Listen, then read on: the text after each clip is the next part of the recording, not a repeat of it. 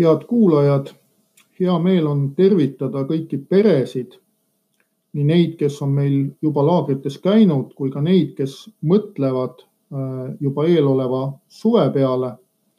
ja seekordses lindistuses me räägimegi siis äh, eesootavast laagrisuvest.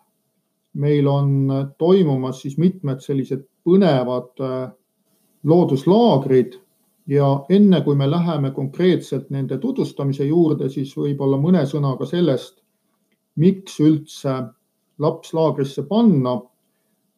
nimelt looduse tundmaõppimise kõrval me proovime siis teha ka nii, et lapste, lapse tervis saaks siis sellest laagris osalemisest kasu. me ühelt poolt siis piirame sellist nutivahendite kasutamist nii, et vaid üksikutel tundidel, kui see on looduse õppimiseks vajalik, me võtame need telefonid välja või tahvelarvutid ja vabal ajal siis lapsed saavad helistada siis paar korda päevas, aga ülejäänud aja nad on siis nii-öelda kõigist ekraanidest, kõigist seadmetest eemal. ja me proovime nendesse laagriprogrammidesse sisse sättida ka matkamist igal päeval me siis liigume päris mitu kilomeetrit ja see annab siis lastele vajaliku sellise füüsilise koormuse. ja nüüd tulles konkreetsete laagrite juurde, siis ma alustaksin nende tutvustamist putukalaagrist. et meil on toimumas üks selline põnev viiepäevane seiklus nimega põnev putukamaailm.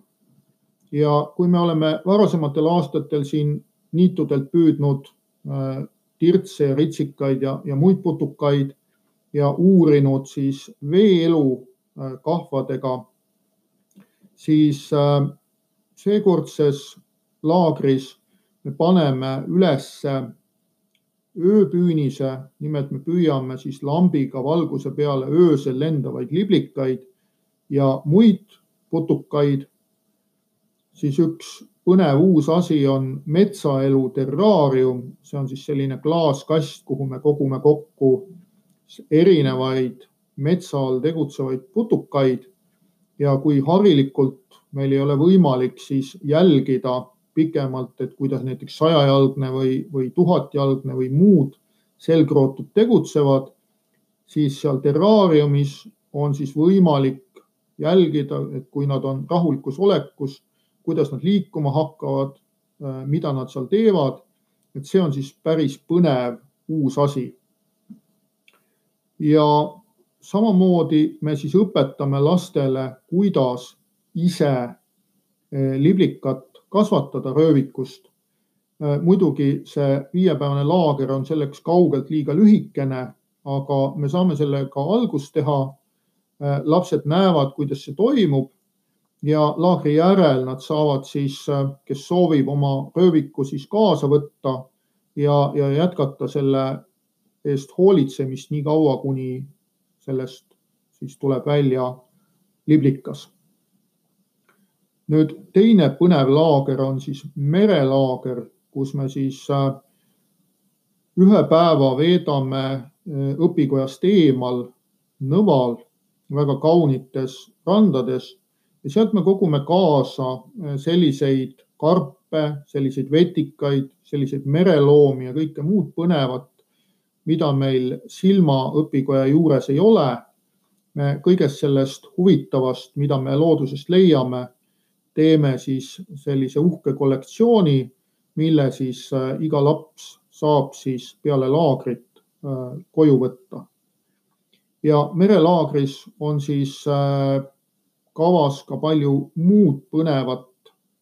et me käime siis telkimas, me käime parvetamas, äh, me uurime äh, siis kalu, me saame vaadata, mis nende kalade sees on.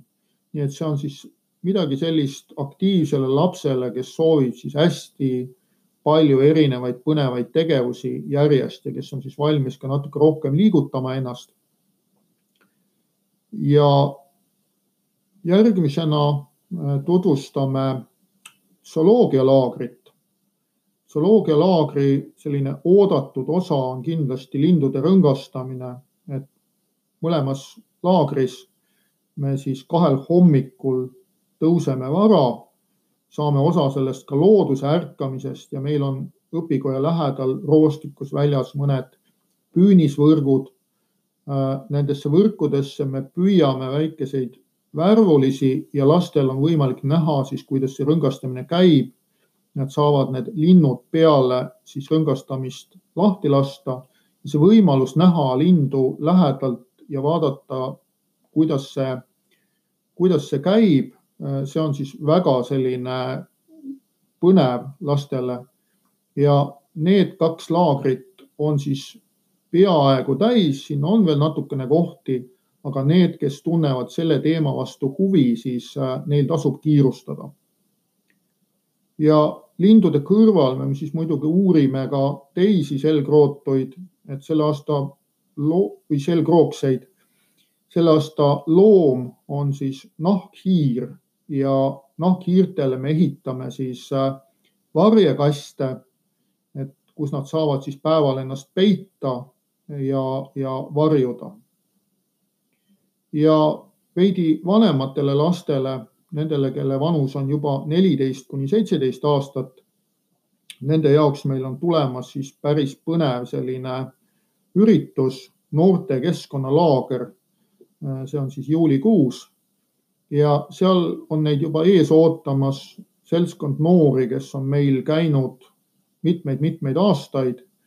Need on siis tõesti väga vahvad äh, noored, kellest siis loodetavasti kasvab peale parem põlvkond, kui me ise oleme, kes oskab seda loodust paremini hoida. ja selle laagri käigus siis noored äh, koostavad siis keskkonnateemadel erinevaid selliseid väikesi videosid, nad käivad filmimas, nad peavad blogi ja kõigest sellest valmib siis väike selline virtuaalne laagripäevik, et mis jääb siis peale äh, laagri lõppu ka alles. et kui on siis selliseid keskkonnateemadest huvituvaid noori, siis nad on väga teretulnud sellest laagrist osa võtma. ja kellel veel on selle laagriga seoses küsimusi, siis kindlasti tasub julgesti meiega ühendust võtta.